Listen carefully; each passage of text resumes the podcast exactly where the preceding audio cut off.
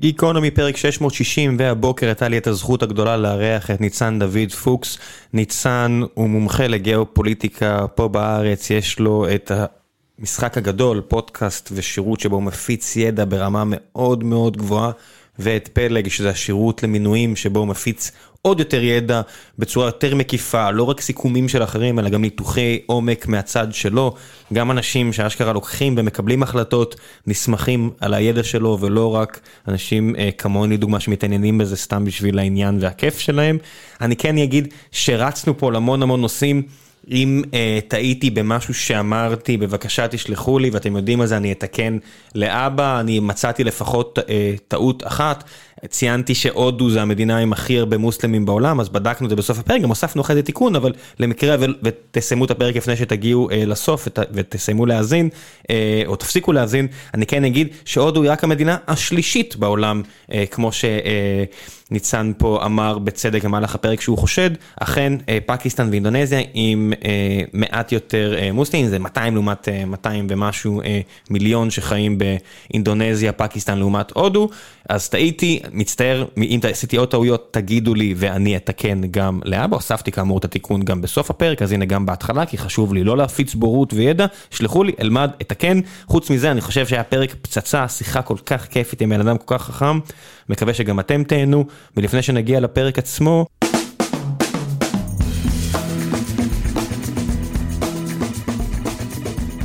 גיקונומי פרק 660 והבוקר יש לי את הזכות הגדולה לארח את ניצן דוד פוקס מפלג והמשחק הגדול ועולם הגיאופוליטיקה שכחתי משהו? לא, לא שכחת, למרות שאולי את פלג אנחנו עוד מעט נשנה למשחק הגדול פלוס. אנחנו טיפה חושבים על remarketing, גם לשנות את כל המבנה תוכן, אז... אה, כן, rebranding, שינוי שמות. גם פה התחלנו ב-2019 את הפרויקט הזה, ואנחנו חוזים שעד סוף העשור זה נתכנס על משהו. היתרון אצלי זה שזה בן אדם אחד שמקבל את ההחלטה בנוגע לשם, אז אתה יודע, יש... כביכול גם פה. אני חושב שבדיוק דיברנו על זה לפני שהתחלנו להקליט, כי כמו כל פרק של גיקונומי, השיחה, שיחת הכנה מתמצה בארבע דקות של קח קפה בוא נתחיל בוא נזה כן. והתחלתי להקליט התחלנו לדבר בארבע דקות האלה על כך שגם בעסקים וגם גם בגיאופוליטיקה אתה יכול להיות הבן אדם הכי שקול בעולם אבל אז דברים מתחילים לקרות וכמו בג'ו גיטסו ו-MMA כל מכה שאתה חוטף אתה יורד חגורה ואחרי ארבעה אגרופים אתה כבר חגורה לבנה לא משנה איך נכנסת לקרב הזה. כן. ואתה אמרת אתה לא חושב שבגיאופוליטיקה שבגיאופוליטיקה זה ככה. אני חושב שבגיאופוליטיקה וגם במערכות ביולוגיות אנחנו רואים את אה, מה שטלב קורא לו אנטי שביר שיש לך איזשהו פיצוי שהמערכת עושה בכל פעם שחוטפת מכה. אז הדוגמה שפשוט כשאמרת אתה חוטף מכות ואתה מתחיל לעשות פשרות הדוגמה שחשבתי עליה זה הרפובליקה הרומאית שהמאה הרביעית המאה החמישית אני חושב הגלים פשטו על הרומאים. ואחרי שהם פשטו על רומא ובזזו אותה הם לא כאילו היו בכזה טוב אנחנו נשב בצד נהיה קטנים וזה לא, הם בנו את עצמם מחדש כמעצמה צבאית שכבשה את כל האזור וגם בסוף הגיעה לגלים ושיעבדו אותם. כן, זה קרה להם כמה פעמים בהיסטוריה אבל זה מאוד, זה כל כך נדיר שאתה יודע את זה אלפיים שנה אחרי. כן, לא, אבל אתה, תחשיב, קח גם את uh, רוסיה וסין, שתי מדינות שגם עברו טראומות היסטוריות, שהן מפצות על זה uh, במקרה של רוסיה עם uh, גישה מאוד מיליטריסטית uh, כלפי המערב.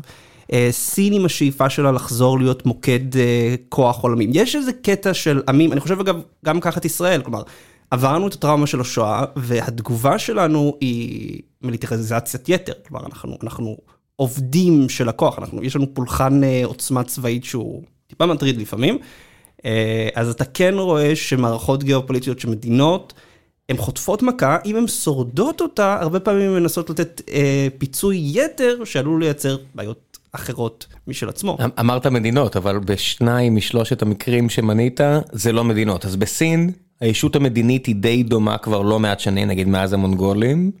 פלוס מינוס, זה היה ברור שמרד הבוקסרים, יפנים והכל, אבל בסופו של דבר זה, זה אותו עם, אותו מדינה בערך. ברוסיה ו- ו- וישראל זה די שונה, כי רוסיה משליטה את ה... את הסייקי שלה, את הטראומות שלה ואת השינוי DNA שלה על עמים מסביב, שאתה אומר לעצמך, וואו, מה לפה לכל הרוחות קרה? רגע, הצ'צ'נים עכשיו נלחמים איתם? מה קורה פה? ואז אתה אומר, היי, זה כבר קרה פעם. כן. הסינוס הזה של נלחמים איתם, נלחמים נגדם. נכון.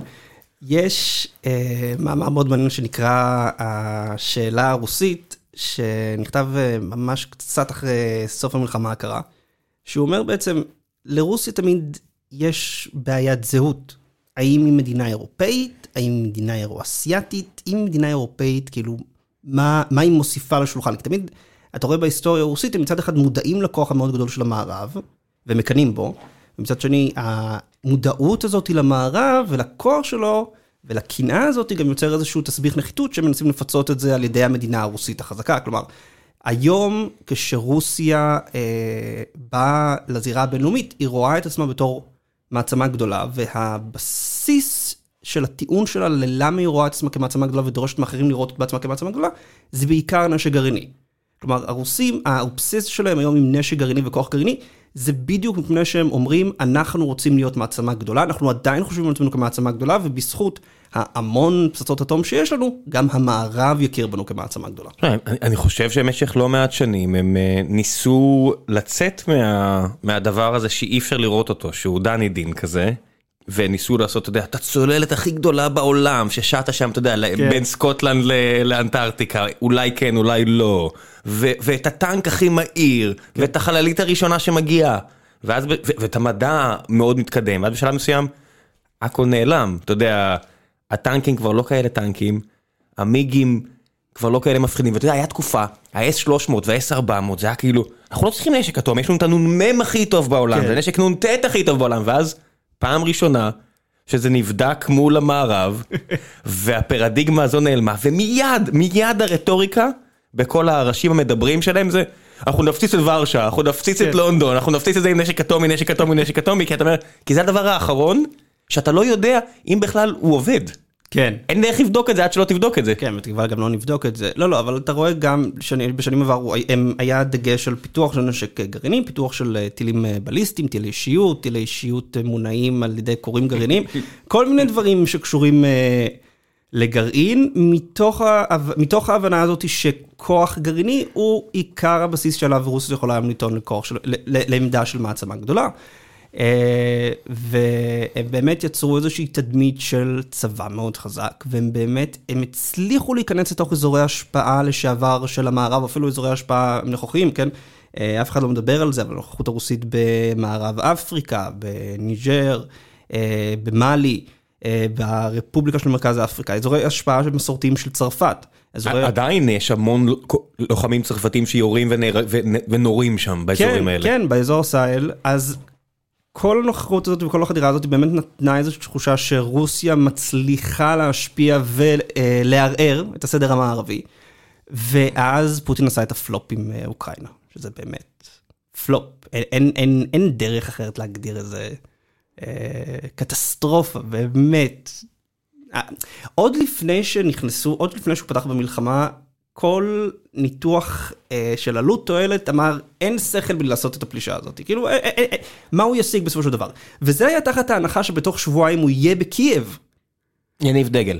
יניב דגל, יהיה מצעד צבאי ושלום על ישראל, אוקראינה הופכת להיות הרפובליקה החופשית החדשה. לא, בלרוס. בלרוס 2. כן.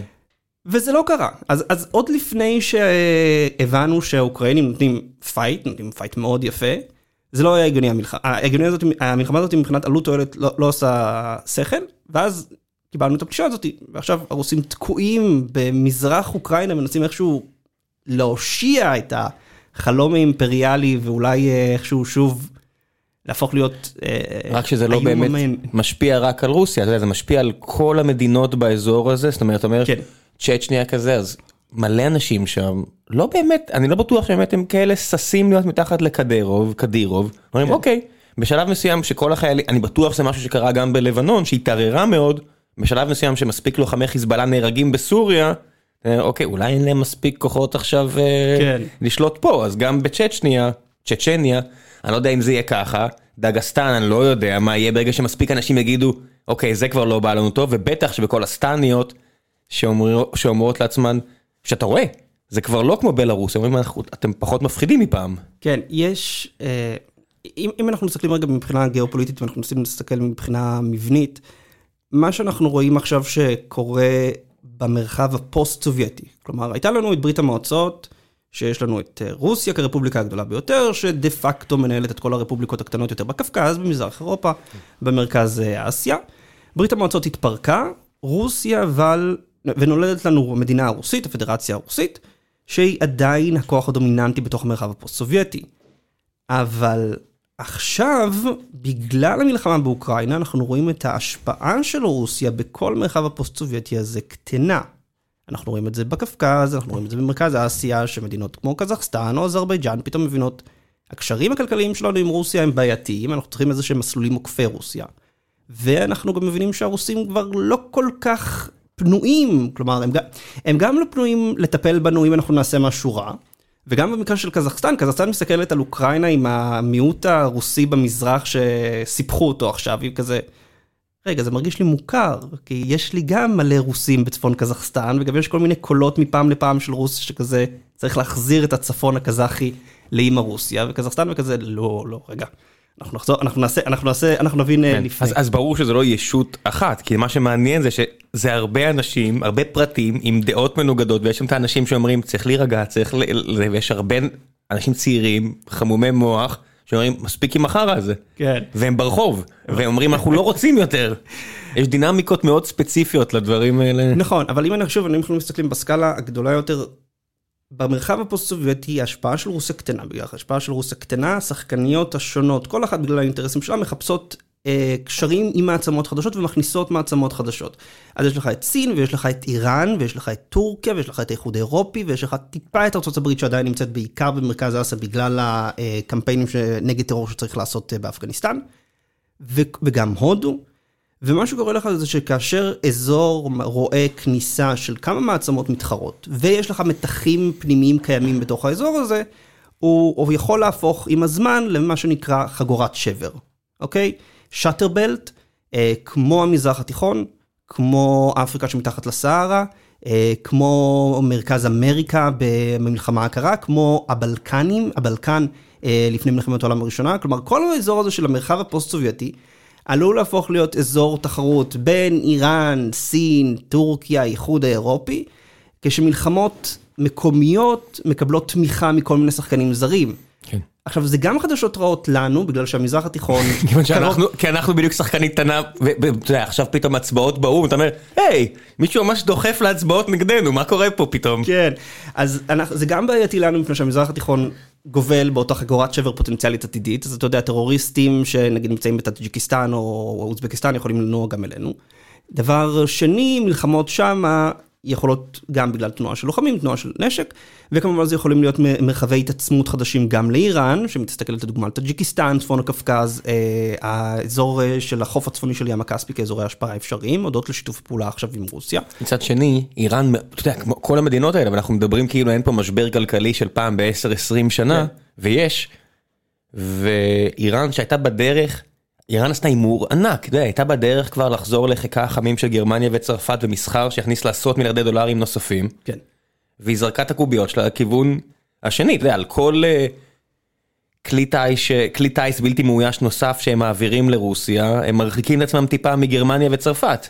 אה, קצת, לא, לא בהמון, אבל מספיק כדי שזה יהיה פח, פחות אה, סביר שפתאום עכשיו יהיה איזה הסכם. אה... היתרון של האיראנים הוא בעיקר יתרון גיאוגרפי, כי הם יכולים להיות גשר שגם מחבר בין מאגרי הגז הטבעי של טאג'יקיסטן לבין, סליחה, לא טאג'יקיסטן, טורקמניסטן לאירופה, וגם יש להם כמובן את מאגרי הגז העצומים שלהם במפרץ הפרסי.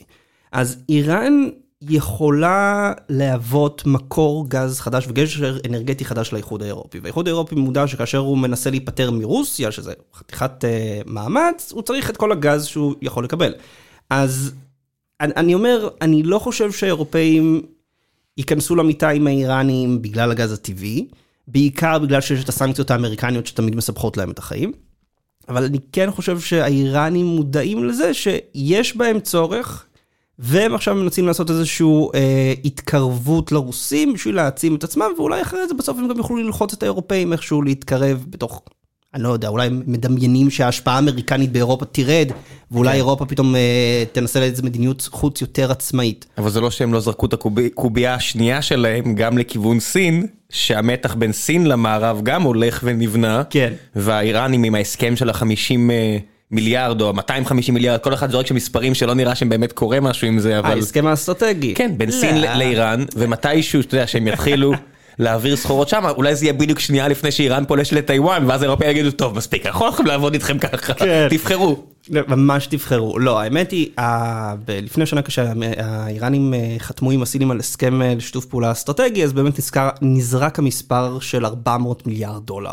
העניין הוא אבל שאם אתה מסתכל בכל הטיוטות, כולל הטיוטה הסופית של ההסכם, 400 מיליארד לא מופיע. שאלו את אה, דובר משרד החוץ הסיני, האם יש איזושהי השקעה ספציפית או סכום ספציפי שסין מתחייבת להשקיע באיראן, והוא אמר, לא.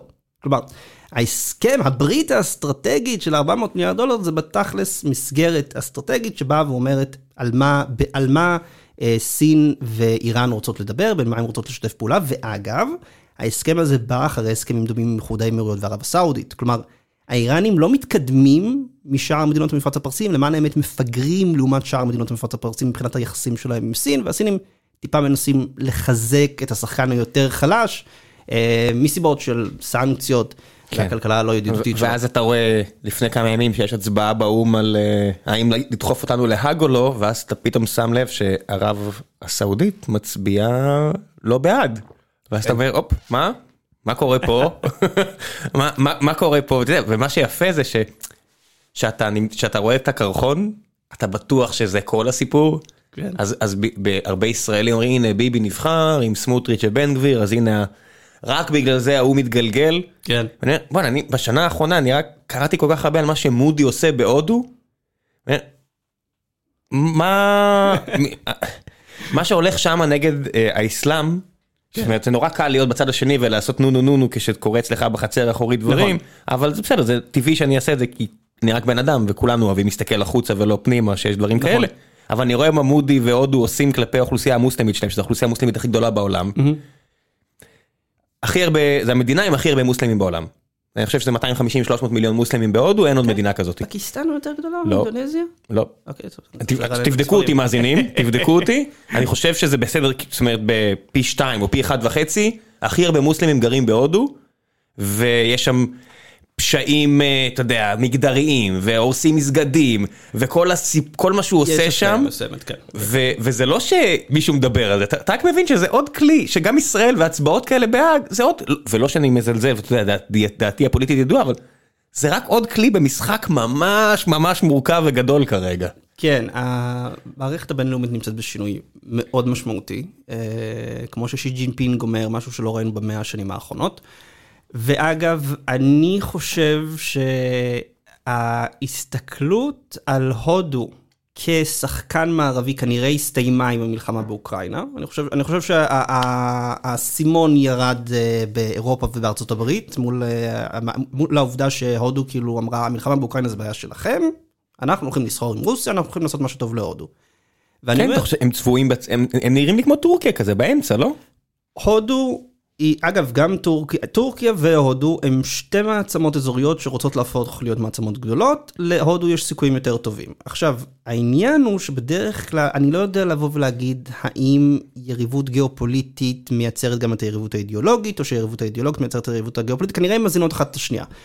אבל אתה מבין שכאשר הודו מסתכלת עכשיו על המקום שלה כמעצמה גדולה במרחב האינדו-פסיפי, ואתה מבין שיש מחלוקת בינה ובין המערב בנוגע להאם דמוקרטיה לא ליברלית היא דמוקרטיה בכלל. כלומר, מה הערכים שאנחנו רוצים להדגיש, לאום או זכויות אדם? אתה מבין שיש פה את הפוטנציאל לככה שבעוד 10-15 שנה, כשהודו תהפוך להיות כוח משמעותי במרחב האינדו-פסיפי, כאשר תהפוך להיות כוח משמעותי בזירה הבינלאומית הודות לכוח הכלכלי שלה, תבוא גם היריבות האידיאולוגית, ויכולה גם לבוא היריבות הגיאופוליטית, בהנחה גם שסין תדעך כאיום הכי גדול על ארה"ב.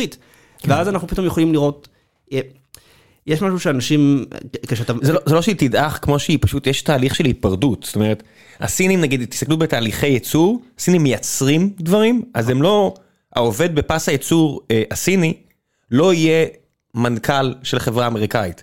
הבחור ההודי שמחלטר ב call center, כסטודנט, ב-IIT שם במומביי, עוד יהיה המנכ"ל של התאגיד האמריקאי. יכול להיות. כי הקשרים בין הודו לארצות הברית הם כאלו שהם ממש הולכות, מבחינה עסקית, לפחות ב tech, זה מאוד שונה מנגיד סין וארצות הברית. נכון, אבל מה שאתה רואה, מה, מה שאתה רואה עכשיו, הרי, הרי יש לנו, היה לנו תהליך, נכון? בשנות, בתחילת שנות האלפיים, ארה"ב סיפרה לעצמה שאנחנו נעשה סחר חופשי עם סין, סין תהפוך להיות דמוקרטיה בורגנית, ליברלית, כן. ועד בסביבות 2014, 2015, הגלגלים אצל, אצל מקבלי ההחלטות האמריקנים מתחילים להסתובב שרגע הוא יכול להיות שטעינו, כלומר, לקח עשור וחצי, ושי ג'ינפינג, אבל הם פתאום מתחילים לבוא ולהגיד, יכול להיות שהתיאוריה שלנו של סחר חופשי עם סין לא באמת הולכת לעבוד. ואז עכשיו אתה רואה את, הס, את, ה, את הסיכום של תהליך הפקת המסקנות שאומרת, סין לא תהפוך להיות דמוקרטיה ליברלית, הסחר החופשי שלנו איתה הוא איום אסטרטגי, ואחר כך אנחנו הולכים לשנות את כל מערכת היחסים הכלכלית שלנו איתה. עכשיו, ב-2016, כשדיברו על אה, סחר חופשי ועל סחר בתוך מדיניות אה, החוץ האמריקנית, ההנחה הייתה שארצות הברית, עם כל כמה שהיא עצבנית על סין, היא לא תיגע בקשרים הכלכליים והטכנולוגיים איתה. אנחנו רואים שזו שגיאה. כן, עכשיו... 2016 זה גם יכל להתפצל אה, יופי טופי לשני כיוונים שונים, אם זה הילרי קלינטון או טראמפ, לא, זה שתי לא, דברים שונים, זה לא? לא? זה דווקא לא נכון, אנשים שוכחים את זה, אבל הילרי קלינטון וטראמפ, שניהם היו סקפטים בנוגע לסחר חופשי. שניהם כן. התנגדו להסכם ה-TPP. הילרי קלינטון אגב, כלומר, אף אחד מאיתנו כנראה לא טרח לשמוע את השימוע שלה בסנאט לקראת אה, מזכירת המדינה, היא האמינה שמדיניות החוץ האמריקנית צריכה לתמוך בעובד האמריקני ולהגן עליו. כלומר, כן. פרוטקציוניסטית לחלוטין. ההסכם אה, הסחר שדיברת עליו, ה Trans-Pacific Partnership, Partnership, שאחרי זה אה, הפך לעוד. כן, בסופו של דבר מכסים והסכמי סחר הם אלה שמאפשרים גם ייצור בצד השני. אם אתם יכולים להזמין משהו מסין, איזה פיצ'יפקס בדולר, והוא מגיע אשכרה במחיר הזה, ואתה מזמין משהו מקריית שמונה והוא מגיע ביותר, זה לא נס. כי מישהו מסבסד את זה. כן. כבר הרבה מאוד, או לא כבר, אבל במשך הרבה מאוד שנים מישהו סבסד את הדואר מסין. בשביל מטרות גיאופוליטיות, ושלל סיבות אחרות, אבל כן. מישהו סבסד את הקקי הזה, וזה השפיע על הרבה מאוד דברים.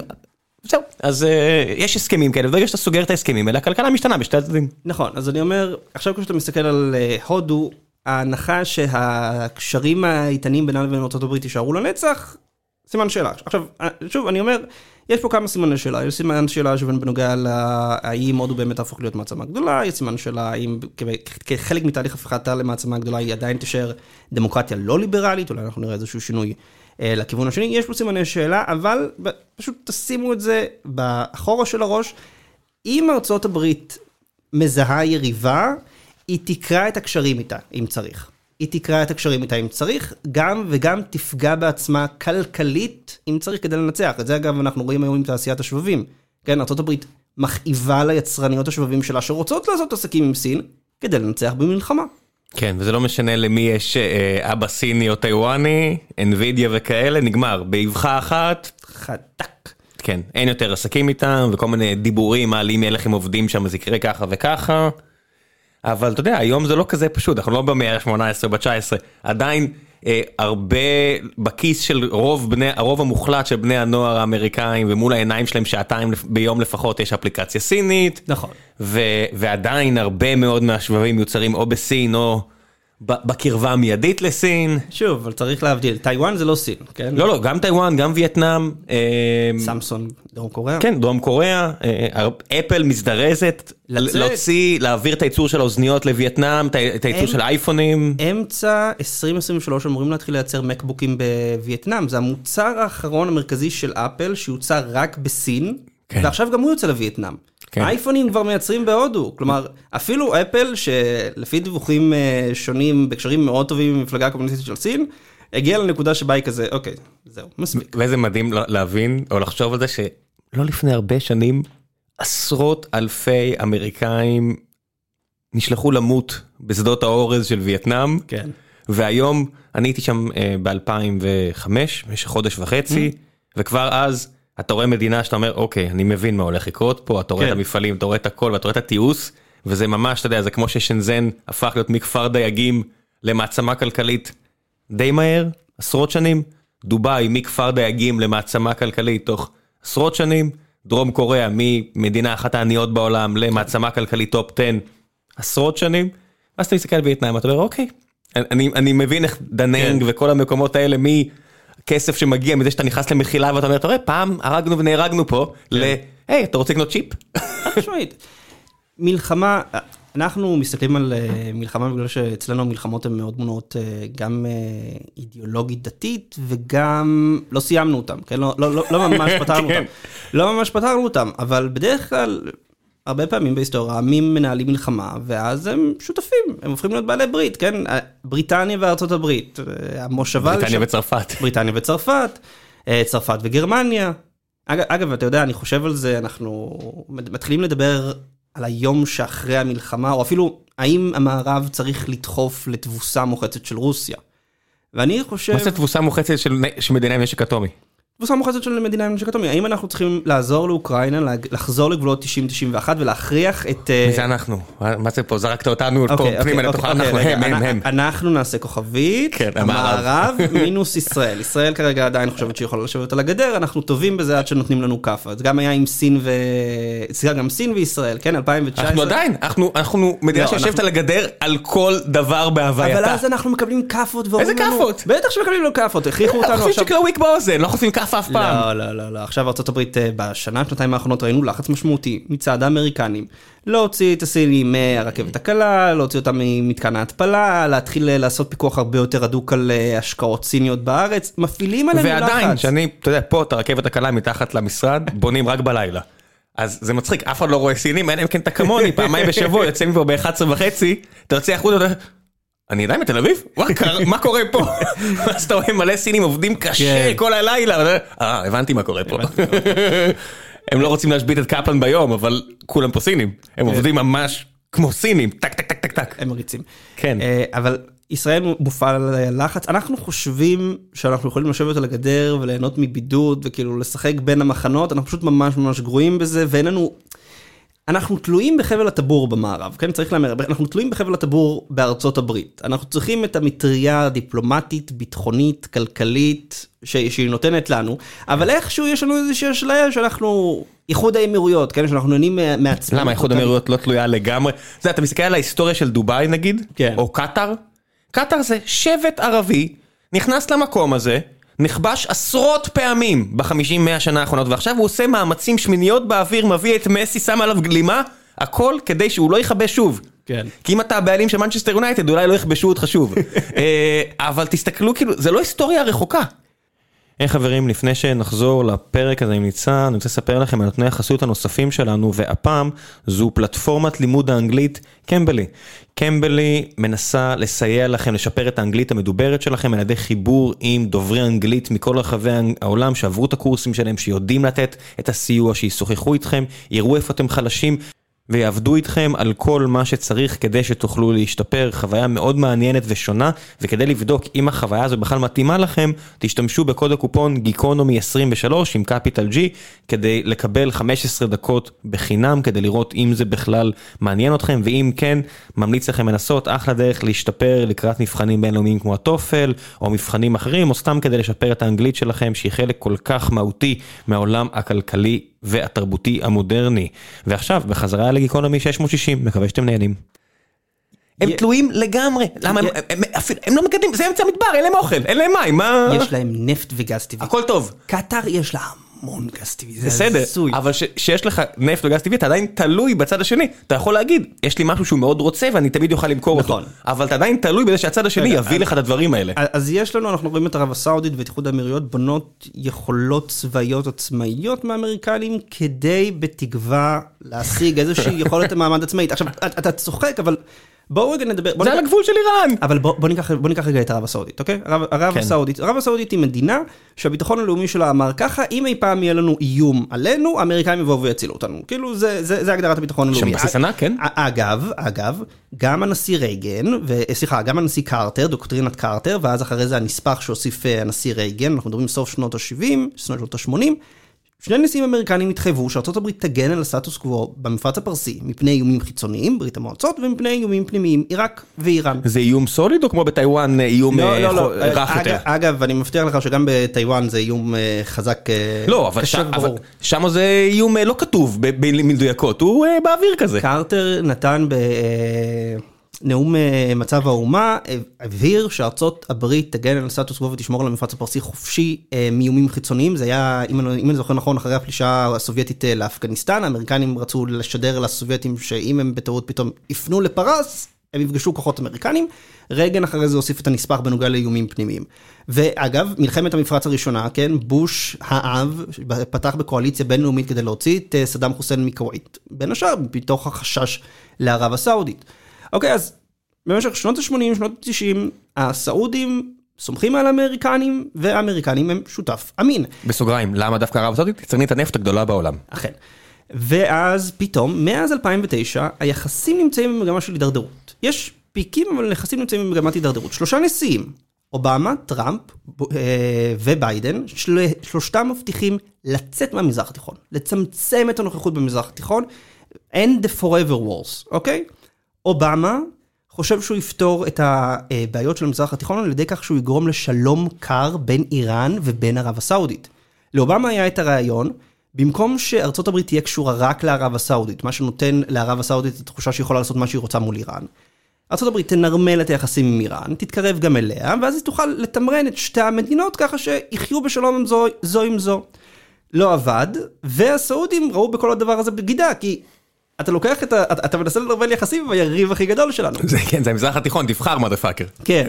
ואז מגיע טראמפ, שאומר שהוא מאוד אוהב את הסעודים כי הם משלמים רק במזומן, מוכר להם המון נשק, ואז בספטמבר 2019 יש לנו מתקפת, אה, מתקפה איראנית חותית על אה, מתקני נפט אה, סעודים, חמישה אחוזים מתפוקת הנפט הגולמי בעולם מושבתת. חצי מהתוצרת הסעודית, אם אני זוכר נכון, יורדת שם לכמה שבועות. משהו כזה. המתקפה הכי משמעותית מאז שסדאם חוסיין העביר את שדות הנפט בכווית. והאמריקנים נותנים סנקציות, שולחים שתי טייסות F-15 וכמה כוחות אגנה. וזהו. כלומר, ערב הסעודית, שהיא מסתמכת על ארה"ב שתבוא להגן אותה, עליה, חוטפת מכה משמעותית במתקני הנפט שלה, בדבר שלכאורה ארה"ב אמורה להגן עליו, וכל מה שהיא מקבלת בתמורה זה שארה"ב עושה לאיראן כזה על האף, מכה, כלב רע. זהו. ואז, כן, ועכשיו טראמפ הוא עוד, נקרא לזה נשיא ידידותי. כן, אבל טראמפ גם ידידותי לפרקינג. נכון. לא היה כזה רע לו שהמחירים יזנקו לשמיים. אה, שוב, אני לא חושב... יש המון משתנים במשוואה הזו. חד משמעית שיש המון אה, משתנים בנעלם הזה. במשוואה הזו, סליחה. במשוואה הזו, אבל אתה כן אה, מבין בתור ערב הסעודית שפתאום מישהו שהסתמכת עליו, אתה כבר לא יכול לסמוך עליו, ואז רגע מגיע ביידן, ביידן ב debate דמוקרטי. אם אני זוכר נכון, נובמבר 2019, מבטיח שהוא יהפוך את ערב הסעודית למדינה מצורעת. כן, כי בין לבין מה שקורה זה חשקוג'י, ותמיד כן. יש תירוץ כלשהו מאחורי גיאופוליטיקה. מאחורי גיאופוליטיקה אנחנו מדברים פה בצורה נורא קרה, אבל מה שאתם רואים בחדשות זה לא את הדברים האלו ומאזני סחר וגז ונפט, אלא רואים עיתונאי שנרצח, נכון. דיכוי. אה, יחסי להט"ב עם נשים, זאת אומרת הדברים האלה... ההפצצות הסעודיות נגד אה, אזרחים בתימן. הדברים האלה זה מה שמגיע לחדשות, אני לא מזלזל בזה, זה פשוט לא, לא. חצי מהתמונה. אבל אז אתה מבין, ואז נבחר ביידן, והממשל שלו מבטיח לבצע recalibration, כוונון מחדש של היחסים עם ערב הסעודית. עכשיו, נכון, בקיץ 2022, בקיץ השנה, הוא מגיע כדי לפתוח דף חדש, הסיבה היחידה שהוא מגיע כדי לפתוח דף חדש, זה המחיר בתחנת הדלק. ככה אומרים, אנחנו לא היינו בשיחות, אבל זה, זה, זה התפיסה. זה, זה, זה, זה, לא שהוא בא, זה לא שהוא פתאום גילה את החשיבות האסטרטגית של ערב הסעודית, הוא פתאום בא עם הבטחות חדשות. כן. הרי שיחות הגרעין עדיין ממשיכות עם איראן, ממשיכות, כן, קיץ 2022, לא נראות כאילו הן הולכות אה, להתממש למשהו, אבל הם, האמריקנים מגיעים לפה. בעיקר כי הם רוצים להוריד איכשהו את מחיר הנפט. אז רגע בוא נדבר על מה זה אומר, בפועל יש, המחיר נקבע היצע וביקוש, אז בוא נגיד שהביקוש די קשיח אחרי שיצאנו מהקורונה, אז יש עניין של היצע, כמה חביות נפט אתה שם, מעמיד למכירה, נכון. ואז ככל שאתה מוריד את ההיצע, המחיר יעלה. נכון. תוציא עוד נפט מהאדמה, אבל לערב הסעודית יש אין סוף נפט, מחיר של פחות מ-20 דולר לחבית עולה להם. חמישה דולר לחבית. 20 דולר זה, ה... זה הקבוצה הזאת של ה... כמו איראן, ערב הסעודית של הנפט for free כמעט. נכון, אבל... ואז הם יכולים להוציא כמה שהם רוצים, אין, אין עלות כמעט. ייחודיים ביכולת שלהם, כאילו להוציא כלום. נפט כמעט בכלום. כן, כן, זה כמעט בחינם, אז יש להם את השליטה, אתה יכול להוציא 7 מיליון, 14 מיליון, כביכול, אתה יודע, לא שהתעשייה היא באמת כזו גמישה. אבל האמריקאים... יש גם מאגרים שהם יכולים לשחרר. כן, האמריקאים, המאגרים האסטרטגיים שלהם, גם לאמריקאים יש מאגרים נכון. אסטרטגיים, והם מנצלים אותם היטב עכשיו, והאמריקאים, לפי פרסומים זרים, ביידן מבקש, פתחו את הברז, בואו נרסק את המחיר, אם המחיר גבוה, לרוסיה יש כסף. כן. אם המחיר יתרסק, לרוסיה לא יהיה כסף, בואו ננצח את המלחמה הזו.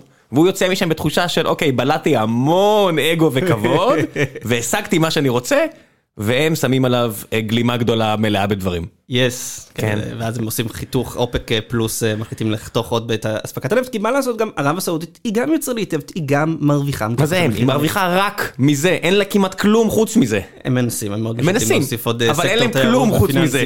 כן, כמו הם- רוסיה, אין כמעט כלום חוץ מזה באופן יחסי. גם אם יש הרבה, החלק, ה... זה כל השאר כמעט בטל בשישים, אצל כן, ערב הסעודית. חלק- חלק הארי של ההכנסה הממשלתית הוא מגיע מנפט. אז הסעודים מאז 2009 רואים בעצם את היחסים עם הברית כמאבדים את האמינות שלהם, הם לא יכולים יותר להסתמך על האמריקנים. מצד שני, אין להם שום חלופה שיכולה להחליף אותם, כי הסינים לא הולכים לכוחות ברית עם אף אחד במזרח התיכון. הסינים לא עושים את הדבר הזה, הם בטח לא הולכים להיכנס לתוך הקן צרעות שהוא המזרח התיכון, הם ישמחו למכור נשק לכולם, הם ישמחו לעזור לסעודים לפתח טילים בליסטיים, אה, טכנולוגיה, מה שהם רוצים, תביאו לי נפט. אתם רוצים גם ברית, אתם רוצים הגנה מאיראן? מישהו כבר נהרג מנשק סיני במזרח התיכון? אה, ניסיתי לבדוק את זה, אני לא מצאתי שום דוגמה. אני חושב שערב הסעודית כן מפעילה מל"טים, אני פשוט לא בטוח עד כמה, מה ההיקף שהם, מפ- הם מפעילים מל"טים סינים, אני לא בטוח מה ההיקף שהם מפעילים אותו במלחמה בתימן, אז... כן, זו. דוגמה מאוד, אה, אתה יודע, תחשוב, נגיד, התעשייה הטורקית היא כל כך משמעותית במלחמה באוקראינה. זאת אומרת, ה- המטוסים ללא טייס, אם הם מתפוצצים או סתם מרגלים אחר הכוחות הרוסים, או מפילים עליהם רימונים כאלה מלמעלה, מאוד משמעותי לצבא אוקראינה.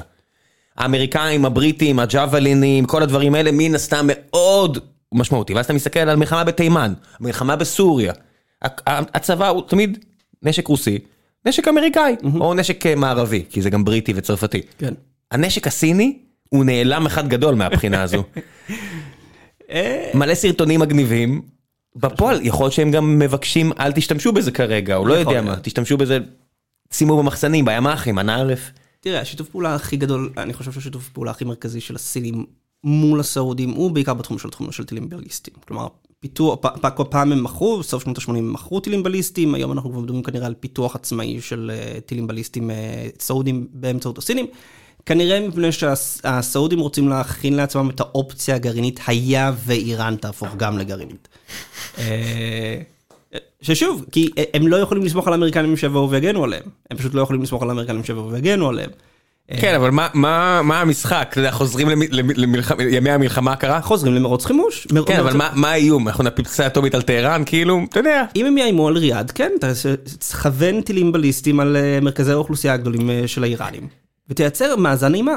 כן, אבל אין כרגע, וזה לא שהם, אתה יודע, זה... זה- ת- תן להם מספיק כסף ומספיק זמן. לא, אין כרגע, אין כרגע את האיום הזה על טהרן, וזה לא שטהרן לגמרי משתוללת עליהם, כי יש לה מספיק צרות משלה, אבל כן, זה דברים שמדינות רוצות הרבה קדימה. שוב, אם אתה נמצא בתוך חישוב אסטרטגי ואתה מנסה רגע לנסח את האסטרטגיה הלאומית שלך בתור ערב הסעודית, ואתה מבין שיום אחד האיראנים פתאום מחזיקים בנשק גרעיני, אתה רוצה שיהיה לך נשק גרעיני משלך. כי לדוגמה, בוא נגיד עכשיו, לאיראנים יש את הפצצה, לך בתור הסעודים אין את הפצצה, ויש פתאום, מאיזושהי סיבה, מהומות של שיעים בבחריין. מה אתה עושה? כי הרי האיראנים יבואו ויפעילו את הנשק, יאיימו עם הנשק הגרעינים שלהם ויגידו לסעודים, אל תתערבו, בחריין עכשיו זה נושא פנימי שצריך להיות מטופל על ידי העם שם. אז מה אתה עושה בתור שר ערב הסעודית? כן. אתה יכול לבקש מהאמריקנים להתערב, אבל הם כנראה יהיו כזה, "Mm, not my problem. ואז כאילו, איך אתה מגיב? אז אתה חייב את הנשק הגרעיני שלך כדי לאזן מול האיום. מה קורה כשמשמרות המהפכה נוחתות בצד שלך של המפרץ הפרסי, כן. ומתחילות להתקדם? אוי ואבוי לנו. לא, זה, זה בדיוק אותו סיבה שב-73, לפי פרסומים זרים, ישראל איימה בשימוש בנשק אטומי, לפני שהתחילו להגיע לפה נשק אמריקאי. כן. זאת אומרת, זה לא שנשק אמריקאי ב-15 באוקטובר 2013, או 14 באוקטובר, התחיל לנחות פה בכמויות בקלות. כביכול היה פה איום בנשק אטומי על מצרים.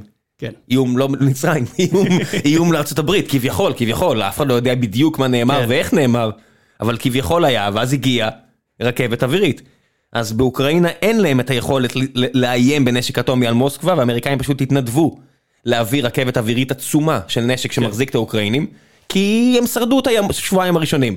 וזה- אבל את הבחירה הזו, יש עמים כמו ישראל וערב הסעודית שלא רוצות להשאיר לטוב ליבם של נשיאים אמריקאים. אין ספק, גם לא בטוח שזאת תהיה עסקה טובה מבחינת האמריקנים להתערב פה, כי פה זה, זה, זה הרי מלחמות בין מדינות מקומיות, זה לא אפשרות לתקוע יתד בלב של רוסיה, במקרה של אוקראינה. כן, מצד שני, בניגוד לאוקראינה, שהטריליון דולר שיצטרכו לשקם את זה שם, לא בטוח שזה יהיה אה, השקעה.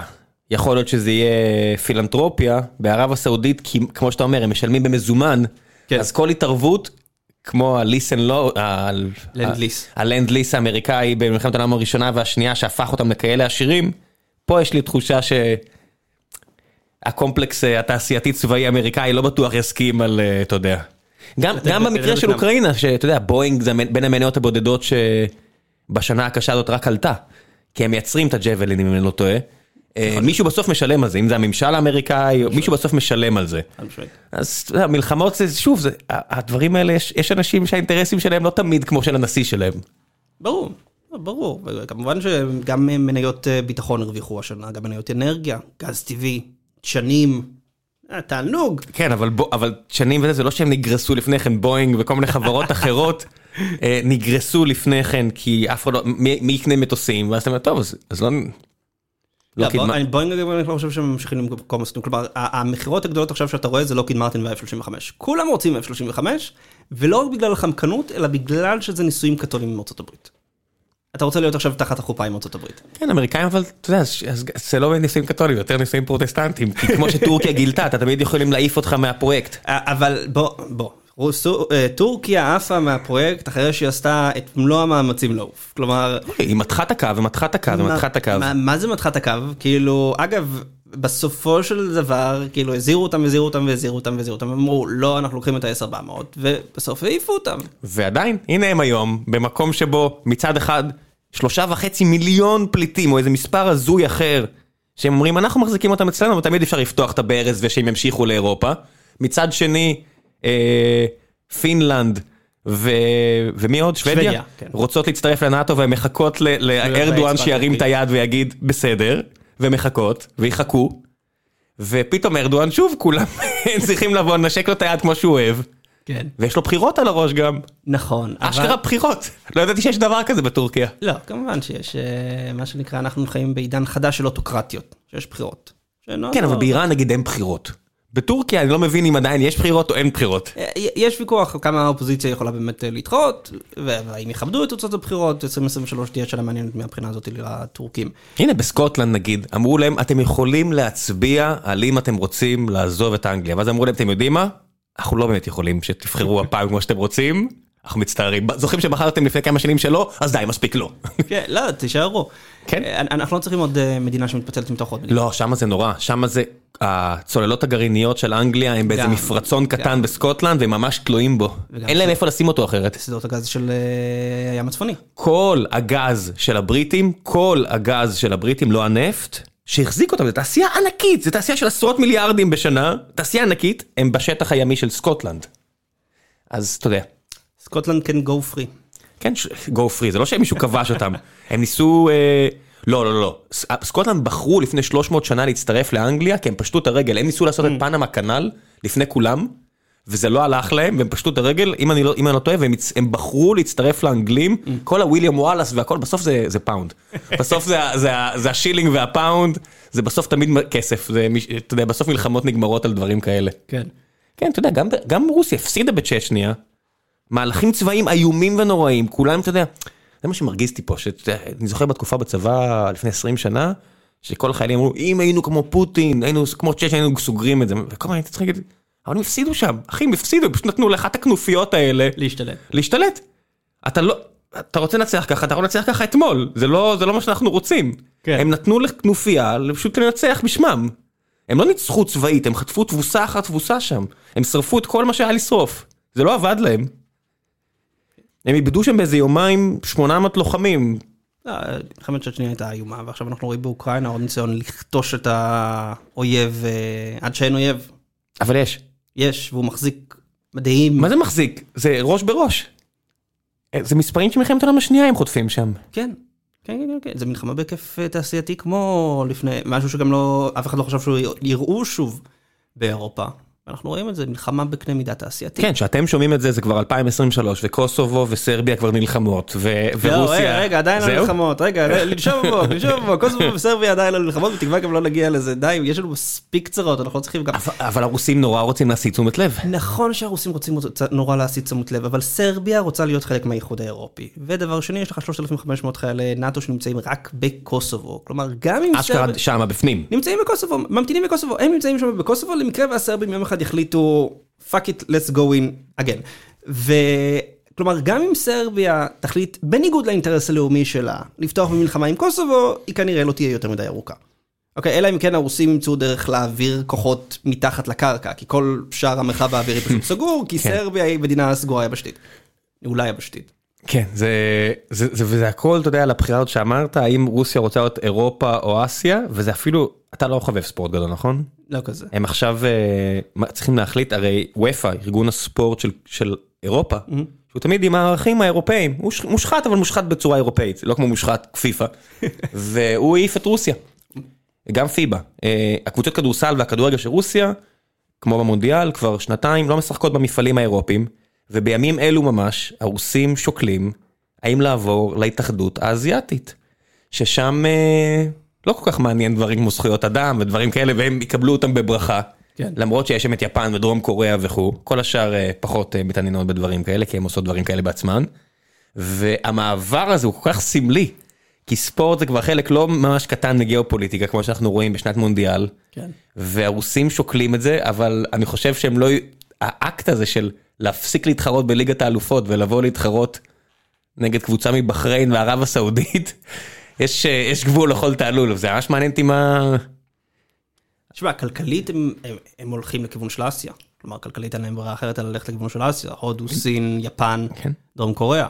אז אה, אתה יודע, יכול להיות שעם השינוי הכלכלי יבוא גם השינוי התרבותי וגם השינוי באוריינטציה של ספורט. כי אין לך אופציה אחרת, סגרו בפניך. אבל זה אין לך אופציות, הם סגרו לעצמם. הם סגרו לעצמם. בסדר, אנחנו אומרים, הם חשבו שהם ייכנסו לאוקראינה, ואחרי שהם ייכנסו לאוקראינה, הם ישנו את הסדר הביטחוני, את הארכיטקטורה הביטחונית בכל מזרח אירופה. הם יגדירו מחדש את מה שקרה באירופה אחרי המלחמה הקרה. זה לא קרה, כן? בגלל אה, אילוצים אוקראינים. ועכשיו הם צריכים לשאול את עצמם לאיפה הם הולכים, כי הם איבדו את השוק הכי גדול שלהם, האיחוד האירופי. הם איבדו חברות מערביות שהם תלויים בהם בשביל השקעות של הון ושתלויים בהם בשביל טכנולוגיה. ועכשיו הם צריכים לבוא ולהסתכל מזרחה, ואין להם את התשתית להעביר את אותה כמויות של נפט, ואין להם את אותה תשתית להעביר יש, את אותה יש מלא כמויות רוסיה גז. בין אה, מזרחה ל... יש המון רוסיה. הלב, אגב, הדמוגרפי והכלכלי של רוסיה נמצא בכלל במ- במערב המדינה, קרוב לאירופה. אוקיי, אז כלומר, אז אתה צריך להעביר צינורות דרך פשוט שממות, כשאין אף צרכן ביניים שאתה עזוב יכול לב, למכור לו. רוב הרוסים.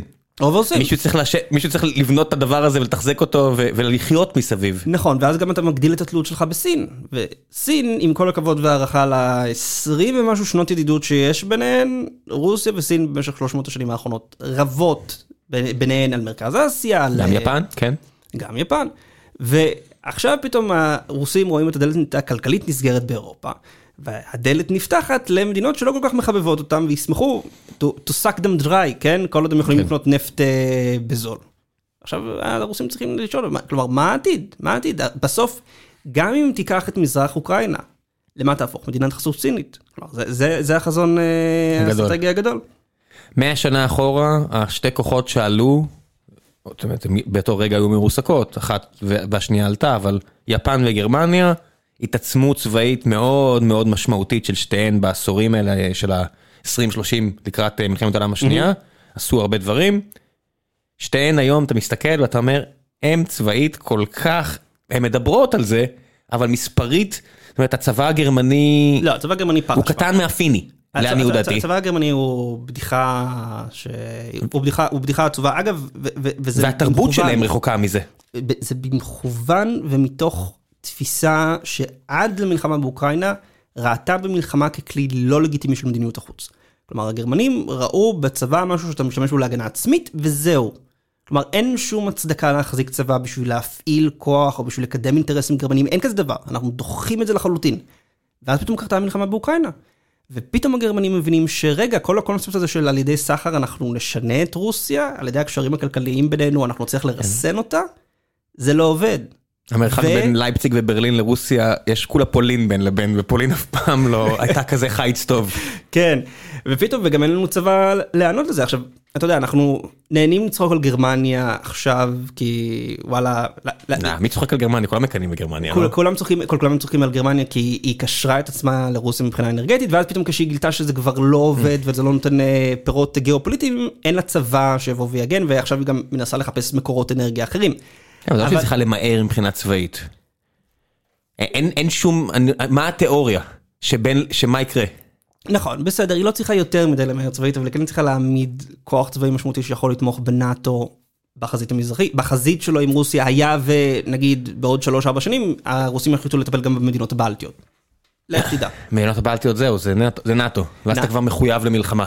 חד משמעית. ואז אתה נהיה מטרה. אבל אין לך את הכוח הצבאי כרגע לעשות את התמיכה הזאת. לא- לא לא לוחמים ולא... לא אה, לוחמים ולא ציוד ולא טכנולוגיה, אנחנו מדברים לא על זה... תרבות.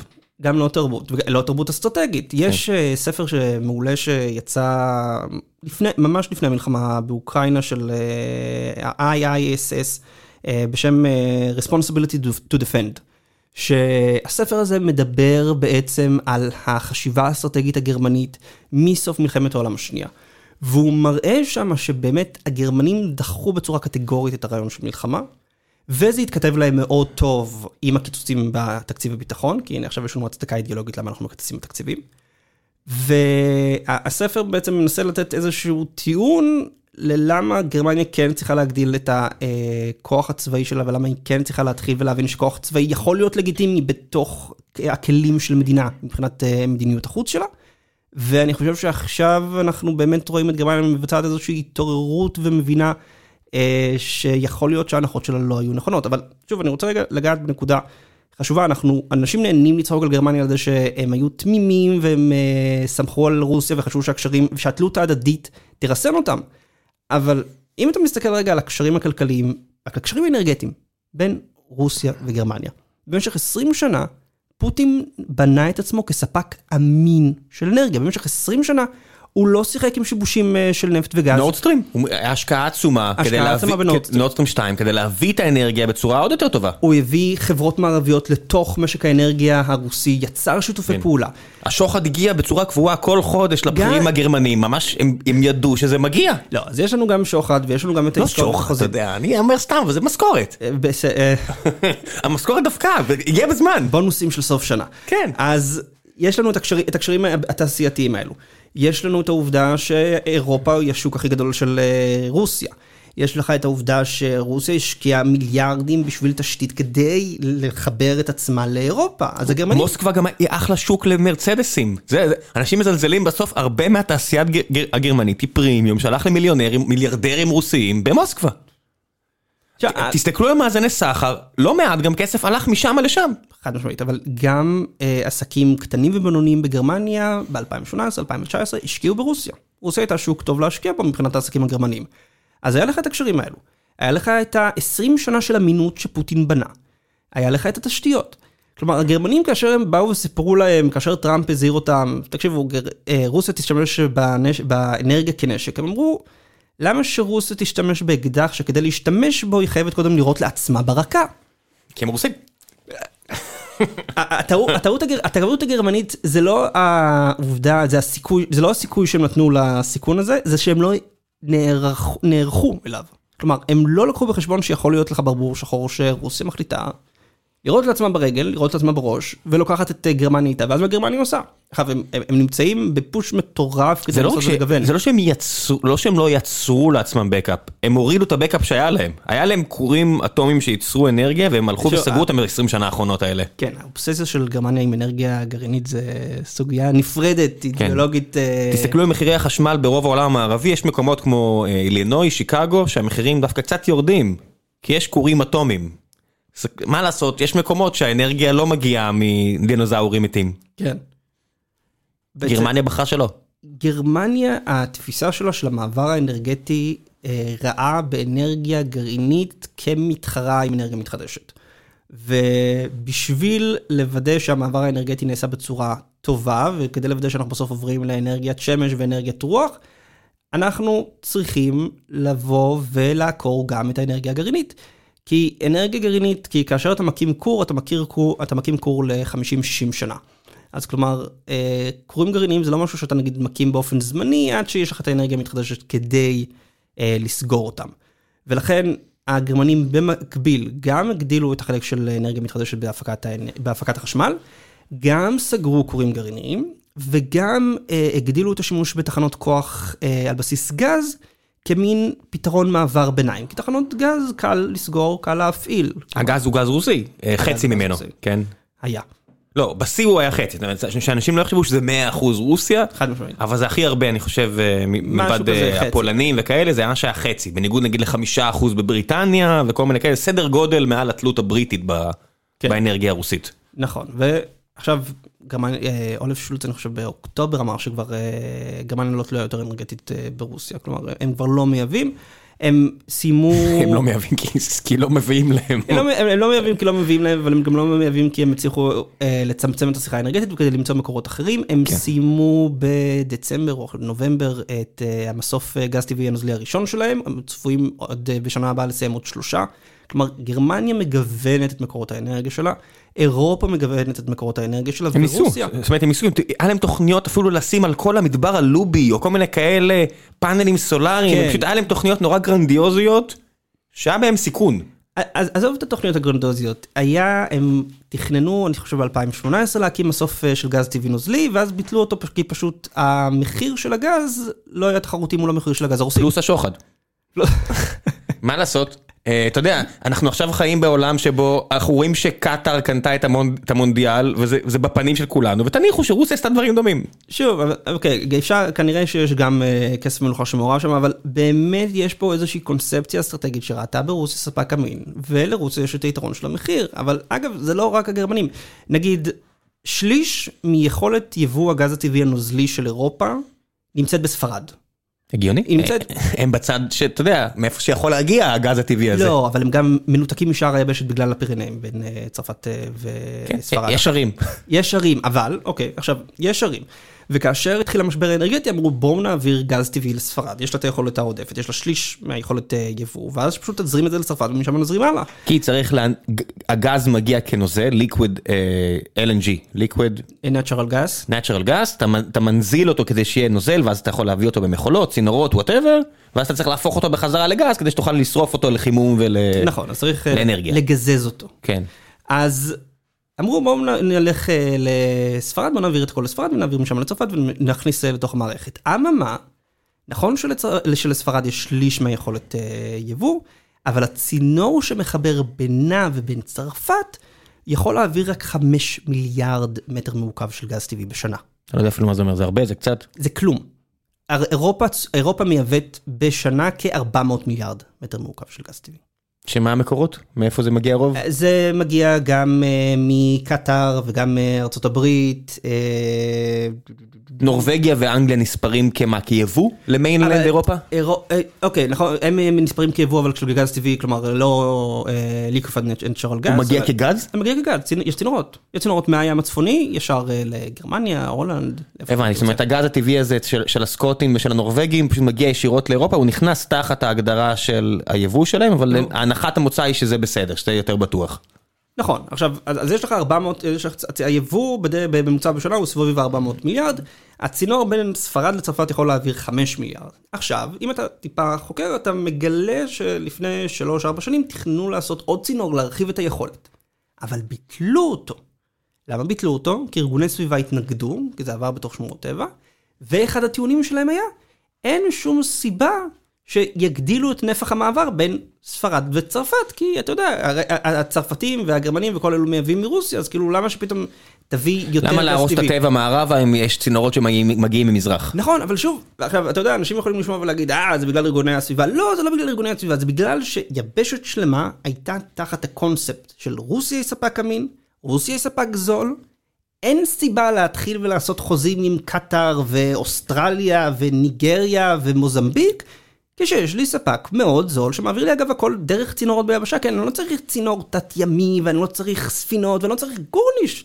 עובר דרך היבשה. אגב, ואמין, 20 שנה אמין. ה-20 שנה אמין, אגב, ואת רוב התשתית, או שהסובייטים שילמו עליה, או שהרוסים שילמו עליה. אז כן, וזה לא שעכשיו אמרת, בואו נסתמך על קטאר וכאלה, וזה לא שזה מדינות שאתה אומר, וואו, אני- אני שם את כל הז'יטונים שלי על קטאר, כי אני סומך עליהם ולא על הרוסים. אני אומר, אני לא יודע אם השנה זה נשמע הגיוני, כן. אני, אולי בעתיד זה בכלל לא יישמע הגיוני ל- להגיד, אני מסתמך על הערבים במזרח התיכון בתור השותפים שלי, יש. אז עכשיו אנחנו פתאום חוזרים לככה שלאירופאים אין ברירה אלא ללכת למזרח התיכון. ו... אבל עזוב את הערבים במזרח התיכון. בגלל הצורך באנרגיה, עכשיו האירופאים מסתמכים יותר על ארצות הברית, שהיא גם הופכת להיות יצרנית מאוד גדולה של גז טבעי נוזלי, יצרנית מאוד גדולה של גז טבעי נוזלי. וגם פה האירופאים לא יותר מדי מרוצים, כי נכון, האמריקנים שמחים למכור גז טבעי נוזלי, והם שמחים לעזור להם מול הרוסים. אבל אז הם סובבים להם את היד. לא, אבל אז הם אומרים, נכון הקשרים שלכם עם סין? נכון כן, היחסים עם מסובבים להם סין? את היד בהרבה דברים. אנחנו רוצים ליישר אתכם. איראן, סין, אני אה, מכריחים אותם אולי להצביע בעד ישראל או להימנע מהצבעות, כל מיני דברים לא שלא יבואו להם טוב. אני לא חושב שזה נמצא באג'נדה, אבל מה שבטוח נמצא באג'נדה, וזו הולכת להיות הסוגיה המרכזית שתאפיין קרוב לוודאי את 2023 וקדימה, זה הרצון של האמריקנים לקחת את השותפות האירופאיות שלהם ושליישר איתם קו בנושא הזה של מלחמת השבבים עם סין. ליישר, אותה, ליישר איתם קו, לשים הגבלות ייצוא על אה, שבבים מתקדמים וטכנולוגיה וציוד לסין, כן.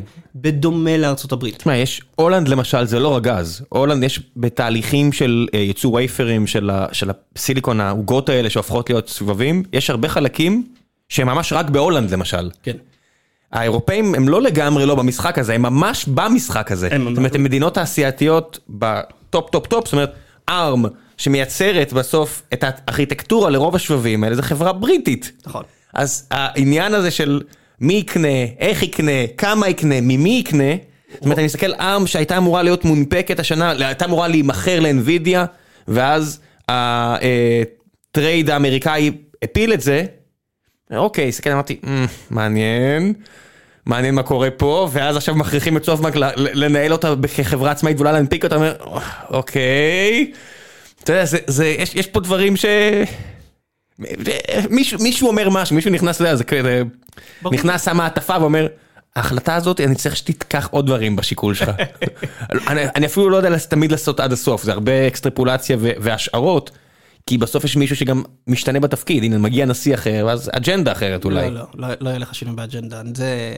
אני, אני אמרתי בקיץ 2019, חברים, ארה"ב אה, הולכת למסלול התנגשות עם סין, והיא הולכת, והיא תנסה ליישר את בעלות הברית שלה, כולל ישראל. וזה לא משנה דמוקרטי, רפובליקני.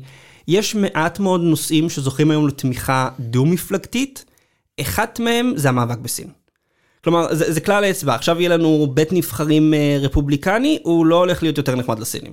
ואם הוא פתאום יתחלף לבית נבחרים דמוקרטי, הוא גם לא יהיה יותר נחמד לסינים. כלומר, הם, הם שניהם שותפים בצורך להילחם בסינים, הוויכוח היחיד זה איך וכמה להפעיל לחץ ואיפה להפעיל לחץ.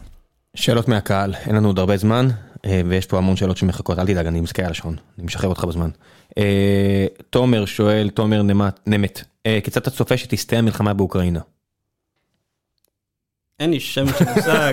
הדבר הזה יכול להיגמר מצחוק צחוק שואה אטומית ל- לא, ל- חלילה. ל- למוות אה, היום בבוקר של פוטין ולא שמעתי עליו עדיין, כן, אתה יודע. הבעיה עם אה, מלחמה היא תופעה מורכבת. כלומר, השינויים מאוד מינוריים בתנאים יכולים, אה, זה, סליחה, זה כבר תופעה כועסת, אני אומר מלחמה תופעה מאוד מורכבת.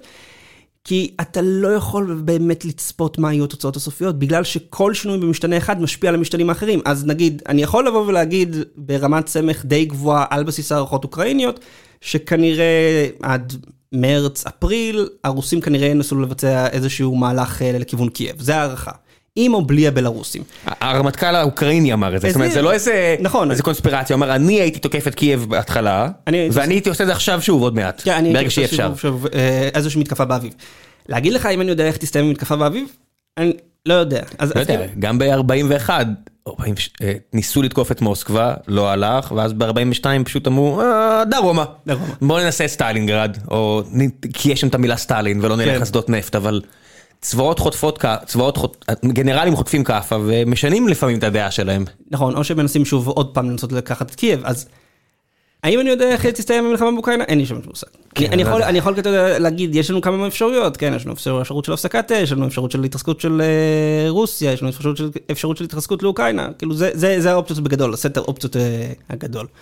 בסוף גם העם האוקראיני צריך אה, לבחור להמשיך להילחם, זה לא בחירה שכל עם תמיד עשה. נכון, אבל יש בחירה אחרת, שהיא אגב, אם והיה והם ינצחו, יש גם את השלב שבו אתה צריך לבוא ולבחור האם אתה מתפייס. שזה אגב בחירה יותר קשה, אתה יודע, אנחנו לוקחים, אנחנו לוקחים כמובן מאליו שאחרי 1945, שרל דה גול היה מוכן ללכת לגרמניה, למערב גרמניה, ולהתחיל קשר חדש ואמיץ של שותפות צרפתית גרמנית, אחרי כל מה את שגרמניה כל עשתה. מה שהם לא עשו ב-1918, כן. כשאנשים נעמדו על הרגליים, אמרו בבקשה אל תשפילו אותם, כאילו היה, מקיינס הכלכלן הבריטי ועד אה, הנשיא האמריקאי, וודו. ש- אה, ווילסון שאמרו, אל תגזימו, אל תגזימו, והצרפתים פשוט היו יותר מדי כועסים על מיליוני בני אדם שמתו. אז עזוב מיליוני בני אדם שביטוי, במשך 40 שנה, כן, מ-1970, רק מנהלים מלחמות עם גרמניה, אז כאילו, מה, למה, מ-1870... למה, לא, אני אומר, למה אתה לא הולך עוד אחורה? למה נפוליאון 60 שנה לפני 1870? לא, בסדר, אבל- אבל כשעם אה, נפוליאון אז צרפת הלכה למלחמה עם גרמניה. בסדר, אבל עדיין נלחמו. לא, המלחמות נגד פרוסיה הרבה שנים לפני אה, 1870. אה, בסדר, אבל... הם התחילו להפסיד ממש כן, אבל ב-1870. אני- אומר, אז לפני 1870 גרמניה הייתה מגרש המשחקים של צרפת, ואז אחרי 1870 פתאום צרפת הפכה להיות מגרש המשחקים של גרמניה, וכאילו, אז ב-1918 בוא- בוא נח- בוא נצלוב את הגרמנים האלו, בוא נכה אותם, אבל, ואחרי 1945, שארל דה גול, קלמנס. שארל דה גול היה מספיק גדול כמדינאי, כדי לבוא ולהבין שאין שלום לאירופה בלי להחזיר, בלי להביא את גרמניה לתוך המחנה המערבי. והוא עשה את זה. כן, זה גם תוכנית מרשל, זה לא רק הוא, זה- זה העולם המערבי ככלל. ההחלטה הזאת היא לחתום על אה, הסכם ידידות, לפתוח דף חדש עם הגרמנים, זה משהו שהוא מרשים, אתה יודע, בטח כשאתה רואה היום את הפוליטיקאים פקקטה שלנו, אתה מבין שהאומץ הזה לקחת את מה שהיה בעבר ולהגיד, זהו, זה לא מה שיגדיר את היחסים שלנו לעתיד, זה מדהים. כן, ובסוף גם יש אה, דברים קטנים שאנחנו לא חושבים עליהם שמשנים. אתה יודע, שמעתי איזה תיאוריה שוודרי ווילסון היה אמור לטוס לשם, לקרון רכבת הזה שבו הם עשו את הסכמי ורסאי, או לא יודע מה, ולדרוש שלהוריד את הרגל מהגרון הגרמני, והוא חטף את השפעת הספרדית. והיה מושבת איזה חודש. עכשיו, אני לא יודעת כמה זה אמיתי, לא אמיתי, השפעת אבל... היו- אה, אתה יודע, בסוף העולם הזה היה הרבה פחות, לא יכולת לעלות בזום ולצעוק. אם לא היית בחדר, לא היית בחדר. אה, בסוף, אתה יודע, וירוסים גם אה, חלק אה, לא לא לא קטן מהעולם. כן. אה, אסף שפר היקר, האם אה, להערכתו, להערכתך, נחזור לעולם דו-קוטבי, שסין תשלוט על הגוש האנטי-מערבי יחד עם רוסיה ואיראן ונספחיה, עיראק, סוריה ולבנון? לא. בגלל התרבות הסינית? אני לא חושב, כן, א', הסינים לא מעוניינים להפוך את עצמם לארצות הברית, אה, לארצות הברית, אה, אבל באסיה, כלומר, הם לא רוצים להקים איזושהי ברית אה, גדולה שתחת, שסביבה יהיו כל מיני מדינות חלשות כלכלית שהם יצטרכו לתמוך בהן. דבר שני, אני גם לא חושב שהשחקנים השונים שמסביב לסין רוצים להיות תחת סין, כלומר, איראן, רוסיה, טורקיה, כל המדינות האלו, יש להם שאיפות עצמאיות משלהן. הבעיה שלנו בתור המערב זה מפני שהמערב הוא גוש מאוחד, מאוד מאוחד. אנחנו מסתכלים על כל היריבים שלנו בתור גוש שני. אבל הם לא ממש גוש שני, כן? אין נאטו סיני. אנחנו לא בגוש הראשון, האנשים בגוש שלנו לא סופרים אותנו בהכרח בגוש הראשון, זה זה הקטע המדהים. כן, אז כאילו, אני לא, אני, אני מאמין באמת שאנחנו נראה בעשור הזה את העלייה של עולם רב קוטבי. באמת את העולם של רב קוטבי, ש, שאתה כבר רואה היום שמעצמות אה, אזוריות ומעציות מאוד גדולות שהן לא ארה"ב קובעות אג'נדה באזורים כמו אפריקה שמתחת לסהרה, דרום אסיה. אה, וגם ארה"ב צריכה להתחשב בדעתן, כמו אם במקרה של הודו, סין, יפן הופכת להיות, אה, תהפוך להיות יותר אה, כנראה עצמאית ואסרטיבית. אה, מתי שהם יצטרכו גם אנשים, הולכים להיגמר שם האנשים. יהיו מספיק רובוטים. לא יודע, זה- זה שאלה ממש טובה, זה, אני לא בטוח בזה, יש דברים שהם דמוגרפיים שהם אמיתיים. שמע, הם עדיין, זה מדינה עצומה, כלומר גם... 100 מיליון פלוס אנשים, 100 כן. מיליון פלוס אנשים, עדיין יהיו להם מספיק אנשים צעירים כדי לאייש צי. אגב, הם צריכים רק צי, הם לא צריכים צבא יבשה עצום, הם לא צריכים עכשיו... לא יודע. אני מניח שזה אותו דבר שמישהו מסתובב בתל אביב ואומר, אני לא מבין איך העם הזה עדיין פה, אז כשאני מסתובב בטוקי אני אומר, "אה, אני לא מבין מה, מה, אם הסינים באים, הם- הם- הם היו בפצ'ינקו שלהם, הם לא ישימו לב בכלל שחיילים שחיילים סינים מחוץ ל- ל- לרחוב שם. כן, לא יודע, זה, מן הסתם זה לא אנקדוטה, זה בטח לא מידע שאתה סתם רואה, מסתובב כן. ברחובות בטוקיו, זה בטח לא אומר כלום. אמ, אדם חשני אומר, אה, הוא מעריך אותך מאוד כאדם מקצועי ומבין בתחומך, איך הפכת לכזה? איזה הרגלים יש בשגרה שמשאירים אותך כזה? קודם כל, תמיד חשוב להתעדכן, גם באירועים שקורים, וגם בשיח... בשיח האקדמי המקצועי, כלומר, אתה, אתה צריך לקרוא את מה שאנשים המובילים בתחום שלך או אומרים לשלם וחושבים. למנוי לפלג ואז לקרוא את הסיכום שלך. אה, אגב, זה כבר לא, זה לא רק סיכומים, זה גם ניתוחים אה, עצמאיים, כלומר, כן, ניתוחים מבוססים מקוריים. על הרבה ידע שאתה צורך. נכון. אה, אז זה דבר אחד, אתה צריך כלומר להיות תמיד עם היד על הדופק. דבר שני, סקפטיות בריאה וכאילו... אחת הבעיות אני חושב של אנשים, ואני חושב שזה משהו מעניין, כלומר גם במאה, גם אנחנו המאה ה-21, אנחנו במאה נאורה ומודרנית, ידע ידע ידע ידע, מאיזושהי סיבה עדיין לא קיבלנו אה, ולא הטמנו עד הסוף אה, הרגלים של חשיבה מדעית. כלומר, אתה צריך לבוא ולהגיד, מה התופעה, אתה צריך לזהות את התופעה שאתה אה, רואה, להגדיר אותה כמו שצריך, ואז אתה צריך להציע מנגנון. הרבה אנשים נופלים בנושא הזה של המנגנון. אה, וברגע שאתה חושב בצורה הזאת של, אה, זיהו, של הגדרה של תופעה כמו שצריך, של אה, חיפוש והבנה של מנגנונים, חיפוש והבנה של דינמיקה, אז אתה, אז אתה מוודא, אתה באופן טבעי מסנן הרבה מאוד רעש והרבה מאוד חשיבה אה, לא טובה, ואז מה שנשאר לך הוא מספיק טוב אה, כדי שאתה יכול גם להתחיל לייצר גם תחזיות למה שאתה רואה. חנינה אה, סינגר, אה, האם ההתחמשות המחודשת של אירופה, טיוואן ויפן תוביל למלחמה משמעותית בעתיד הקרוב? אה, אולי. אני יודע, אני יודע שהוא יביא, יביא להמון תקציבים טובים אה, למוכ... ליצרני נשק אמריקנים. Go Lockheed. אה, אולי גם ישראלים, אני יודע. גם ישראלים, חד משמעית. כן, אנחנו מוכרים אה, משהו לטיוואן או ליפן? לטיוואן אנחנו לא נמכור בחיים, בגלל שאנחנו מפחדים מסין מאיזושהי סיבה. אה, אבל אתה מוכר לאירופה, אתה מוכר למזרח אירופה, אתה גם יכול. לסינגפור אני יודע שאנחנו מוכרים לא מעט ויש הרבה כוחות שנוסעים לשם. וייטנאם, אתה יכול גם למכור ליפן, כלומר יש... לווייטנאם יש צבא? בוודאי שיש לווייטנאם יש צבא. וואלה. מה, אתה אומר בוודאי למה כי קמבודיה פולשת? לא, כי סין. וייטנאם הם שכנים של סין. כן, יש להם גבול יבשתי, עברתי את הגבול הזה. נכון. כן, סצ'ואן נראה לי שם... אה, כלל האצבע בנוגע להיסטוריה זה שהווייטנאמים מפחדים מהסינים והסינים מפחדים מהווייטנאמים, כן? כי כל, כל ניסיון פלישה לווייטנאם לא הסתיים uh, טוב. כן, זה, זה מצחיק, אנחנו מכירים רק את התרבות האמריקאית, כי אנחנו בסוף תחת המגף התרבותי שלהם, אז אנחנו, כן. יש לנו בראש, אנחנו לא אמריקאים, ואני הסתובבתי בווייטנאם, הרגשתי, אתה יודע, בגלל כל הפול מטל ג'קט, פלטון, כן. אני מסתכל, אמרתי, וואו, זה יותר מדבר אליהם מלבנון איכשהו. כן. Uh, אתה יודע, אני הייתי שם בגבול הצפוני, ואנחנו לא מדברים על זה שהם... תימן זה זה הווייטנאם של מצרים. כן. ויפן ו, וסין יש להם את הווייטנאם אחד של השני. ווייטנאם עצמה היא וייטנאם של מדינות אחרות, של צרפת ושל uh, סין. וגם, כאילו הווייטנאמים פשוט נמצאים בשכנות לסינים ויש להם סכסוכים בים סין הדרומי, יש להם אינטרס להתחמש. אגב, יפן גם uh, מגדילה את המכירות נשק אליה, לכל מדינות uh, דרום מזרח אסיה. יפן הופך, יפן ודרום קוריאה הופכות להיות יצרניות ויצואניות גדולות של uh, נשק. כן, זה, זה, זה, זה, זה, כל מדינה זה עולם כל כך גדול, הקוריאנים ששחררו מהכלא את הילד של המוביל של סמסון, כי זו התקופה שצריך מנהיגות חזקה, ואתה אומר, וואו, וואו, וואו, העיקר שאנחנו בטוחים שרק אצלנו יש דברים, אה, כן, מוזרים. אה, בוא נעשה עוד שתי שאלות ונסיים. אה, שואלים פה קצת, האם אתה חושב שהאינטרפטציה האנטי אה, לא יודע אפילו לבטא את זה, של ההתנגשות, ההתנגשות הסיביליזציות עדיין רלוונטית במאה ה-21? לא. זה היה מודל גרוע מאוד. כלומר, זה היה מודל שמאוד... ההנטינגטונית, מה זה האינטרפטציה ההנטינגטונית? סמואל הנטינגטון כתב את אה, אוקיי. התנגשות הציביליזציות, זה התחיל mm. בתור מאמר בפורן אפרס, אחרי המלחמה הקרה אם אני זוכר נכון, ואז הפך כמובן לספר, התנגשות הציביליזציות, mm-hmm. והוא מאוד פופולרי בישראל עד היום, מפני שלנו הוא יושב כמו כפפה ליד. כי הוא מול הנטינגטון אומר, עכשיו המאה ה-21 תוגדר על ידי התנגשות בין ציוויליזציות, בין תרבויות. אה, כאילו ערבים ומערב. אה, בין התרבות האורתודוקסית והתרבות המערבית והתרבות הסינית, ידה ידה ידה. אה, עכשיו, עכשיו לנו, לא, עכשיו לנו כישראלים זה מתאים בול, כי הנה אנחנו יהודים ומוסלמים, וזה, והנה קו התנגשות. אבל אז אתה הולך לאוקראינה, ויש לך את מזרח אוקראינה, שהיא, אגב, כל מזרח אוקראינה לכאורה אורתודוקסית אמורה להיות חלק מהעולם הרוסי. והנה כאשר הרוסים נכנסו, האורתודוקסים התחילו לראות באורתודוקסים. אותו שפה, אותה דת, זה לא אה, שיעים, סונים, שאתה אומר... בני משפחה משותפים. כן, זה לא שיעים, סונים, שאתה אומר...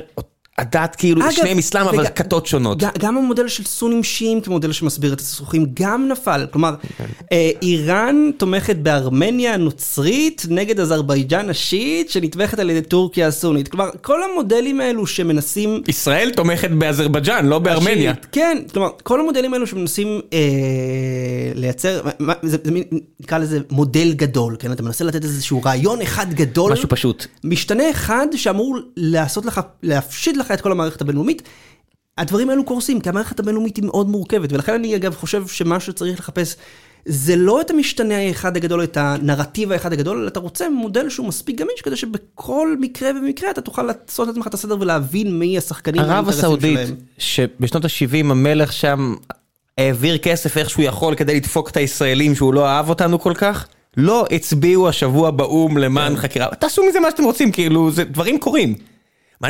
מה שמעניין אותי הפוליטיקאים בארץ, הרי בסופו של דבר, הם גם במטריקס מאחורי הקלעים. לא משנה אם זה לפיד או נתניהו, מתישהו הם, הם בחדרים האלה שאין מצלמות והם צריכים להתעסק בנושאים האלה. ובחוץ יש את כל השכלה המטופש שהוא 99% מהשיח. כן.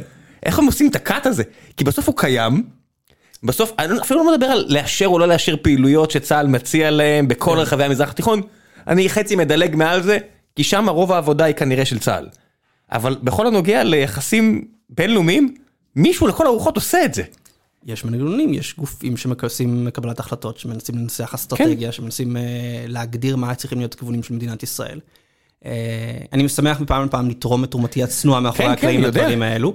אין יט. אין יט, שוב, אתה, אתה צריך להבין, אני באמת חושב שאחד הדברים שחסרים במדינת ישראל, ואני באמת מקווה שאני עושה תרומה ממש קטנה, זה שאין לנו, גיאופוליטיקה היא לא קיימת כמעט בשיח, אלא ברמה מאוד פופולרית, ואין לנו איזשהו ניסיון להבין בצורה שיטתית את הסביבה שלנו, שלא נופלת תחת המודלים הדוגמטיים של סונים, שיעים, אה, התנגשויות, ציוויליזציות, של, נגיד, אחד הדברים שתמיד משגעים אותי, אנשים אוהבים כל מיני הסברים פשטניים, נגיד, אתה מנסה להבין את המדיניות הכלכלית של ארדואן, כן? הוא, הוא, מוריד ריבית, ולמרות אינפלציה גבוהה. למה הוא עושה את זה? אז כמובן... הוא היה מוריד ריבית שומר אותה נמוכה.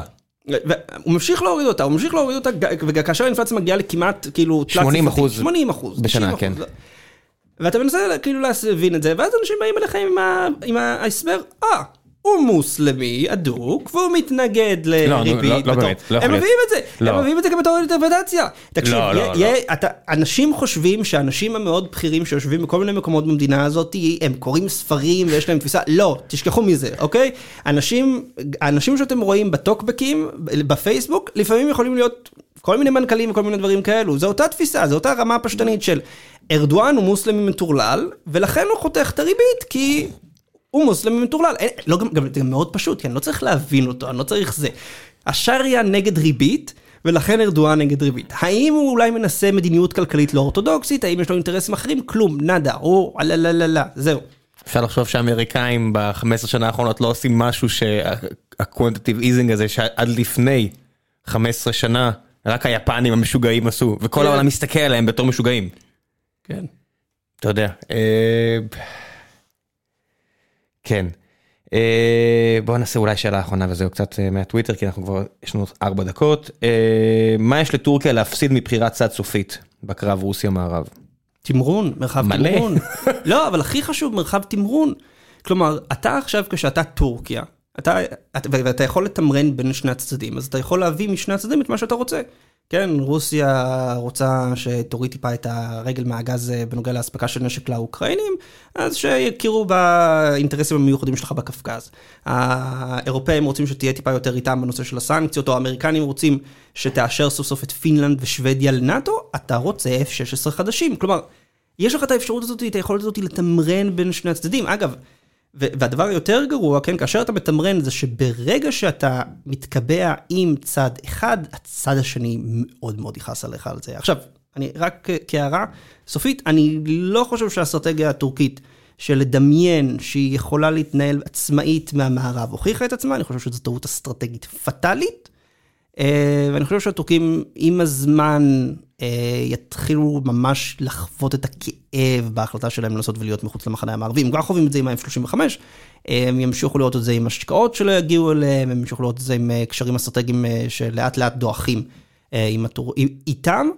אה, היתרון האחרון שלהם אבל כמובן זה תמיד מיקום גיאוגרפי, כן, הם יושבים בפתח של הים השחור, וכל עוד זה לא השתנה, הם לא יצאו מנאטו, אף אחד לא יוציא אותם מנאטו, כי פשוט צריך שהמחזיק בלתי אפשרי.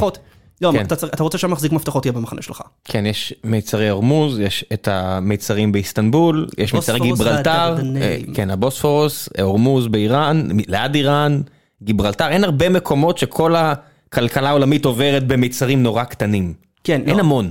אבל העניין הזה שכאשר הטורקים, פנמה סואץ. אם, אה, הט- אם הטורקים עוברים לצד של רוסיה, הים השחור הופך להיות אגם רוסי. כל עוד טורקיה בצד של נאטו, היום השחור הוא יום פתוח. כן. אתה יכולה להיכנס, לצאת. זה הסכם בין 100 שנה, כן?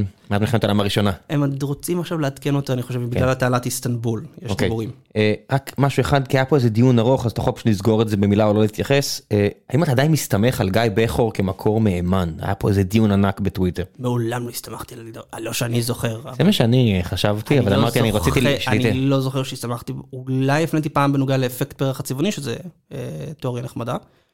אה, אבל כמקור, כאילו אני בדרך כלל משתדל, אם אני, אם אני מפנה למקורות, אז אתה יודע, סטטיסטיה, אה, World Bank, IMF, כאילו, אתה כן, יודע. אני, אני מודה שאני ממש מסתמך על סטטיסטיה בצורה עיוורת. אם סטטיסטיה עושים טעות, אני אבלע את הטעות הזאתי like a- a motherfucker. אבל שוב, הם גם נותנים את ההפניות שלהם. נכון, כלומר, אבל אני הרבה פעמים פשוט מסתמך, קורא את הסיכום על האינפוגרפיקה, כן. ומכניס אותה בראש ומשתמש כן. בזה מתישהו בעצמי. ברור. זה לא שמישהו, אני לא שלוקח החלטות, אני לא מעורב בדברים, אבל אני כן מדבר פה למיקרופון ב- הרבה בזכות האתר הזה, כן?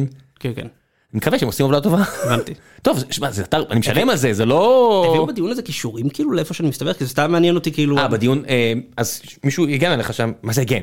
זאת אומרת, אמר, אבל לא. אז הבן אדם ששאל, אמר שעשית מתישהו אה, ask me anything כזה, AMA כזה, אוקיי.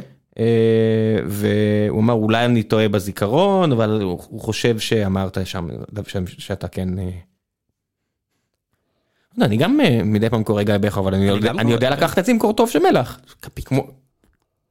כף. כוס. כוס. אה, לא יודע, כמו הרבה... אה, חד משמעית, לא, כן. אני לא חושב, אני לא חושב שגם אנשים צריכים להסתמך עליי, כאילו, בצורה... בטח לא. עליי. אני, אני, אני מדגיש, אני מביא אנשים חכמים, אני קורא, אם אני אעשה טעות, תקנו אותי, אני אתקן לפעם הבאה, אבל תמיד יכול להיות שאני טועה בפעם הראשונה. כולנו יכולים לטעות. כמו להלן, אה, הודו הם הכי הרבה מוסלמים בעולם, אם טעיתי בבקשה תגידו לי, אני אבדוק את זה מיד אחרי הפרק. חד משמעית. זה היה פשוט בראש שלי איפשהו, אתה יודע, ב... כן, היא אחת המדינות עם הכי הרבה מוסלמים, אני לא בטוח שהיא הכי לא, גדולה. לא, אני אומר, אני- יש לי בראש, כאילו עכשיו שמתי את- המספרים, הרי מה זה יכול להיות?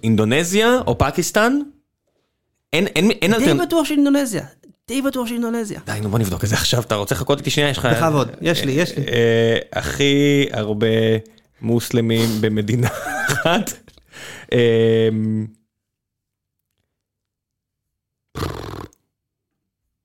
טוב, נו זה... יש סך הכל 1.4, בוא, אתה יודע מה נעשה את זה פשוט. מוסלמים, ועוד מי שעכשיו מאזין בטח הפסיק, אז בסדר, זה לגמרי לגיטימי. האסלאם היא הדת השנייה בגודלה בהודו, מהווה 14.2 אחוז, עם 172 מיליון אנשים לפי 2011. אוקיי. אה, בוא נעשה, עזוב, בוא נעשה. מוסלמס by country, או... How many uh, mus Muslims in India?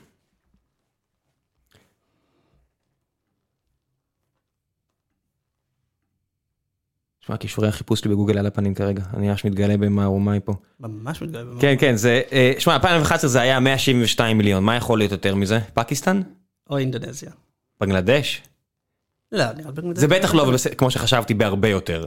זה, זה, זה נראה לכל הפחות close, אבל תשמע, זה עדיין המדינה עם אחת, לא, אחת הגדולות, היא אחת הגדולות. top three, כן. אה, וממש המוסלמים שם אוכלים קש. זאת אומרת, זה, זה, האינדו זה לא דת שלווה וחמודה. לא, יכולה להיות גם דת שלווה וחמודה ויכולה להיות גם שלא, אני מזכיר לך, גם. היה- גם היהדות. גם הנצרות, גם האסלאם יכולים להיות מאוד כן. חמודים.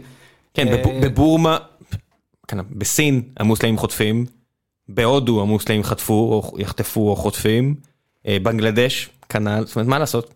זה לא, קורה. אני יודע שזה מוסלמים. נכון, אבל הם חטפו. הם לא די... אתה יודע, הבריטים חילקו את זה, הכל ביחד, וזה לא... יש שם הרבה, יש שנים Mm. של... לא, אתה מתבלבל עם בורמה.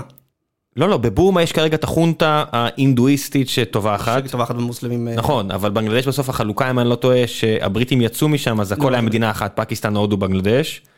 אם אני לא טועה, נכון? וזה הפך להיות... ואז היה ופקיסטן הייתה שולטה גם בבנגלדש. נכון, אבל החלוקה הייתה. כזו שעדיין נראה לי כועסים עליהם, אני לא טועה, אני לא- לא מכיר מספיק, אני אקרא... כולם כועסים על הבריטים על החלוקה שהם עשו. לא, אני חושב שכועסים על ההודים אפילו. אה, טוב. אה, הייתי שם, זה היה חוויה נורא מוזרה. ללכת על על הגבול נגיד בסרינגר בקשמיר, לראות עמדות של הודים ולראות את המוסלמים, אתה אומר, וואו זה מרגיש מוכר בצורה מוזרה, אבל אין לי שום דעה, אז אני מגיע, יש לי להסתכל ואני אומר, זה בטח ככה מרגיש למי שמגיע ארצה. חד משמעית. כן, אני חושב שהודו הפכה להיות ארבע מדינות. אני חושב שגם בהוטן היא מדינה עצמאית היום, והיא הרביעית, אני חושב שזהו, אני בטח מפספס עוד אחת. טוב, זה היה חמש דקות מיותרות לגמרי, לא יודע אם מישהו יאזין, אבל תודה רבה. ביי ביי. להתראות. חזרתי, בדקנו, לגמרי טעיתי, אני לא רציתי להשאיר אתכם, אם האזנתם עד עכשיו עם הטעות שלי, הודו היא רק המדינה השלישית מבחינת כמות המוסלמים בעולם, עם 200 מיליון בצורה מאוד מוזרה, ממש עגול, לפי ויקיפדיה עדכני, 200 מיליון עגול, הבן אדם 200 מיליון נולד כנראה היום, אינדונזיה עם 231, פקיסטן עם 234, ואחרי זה זה באמת בנגלדש עם 158, ניגריה עם כמעט 100, מצרים עם 100, טוב, זהו, תודה רבה, מצטער על הטעות, והנה, תוקן, ביי.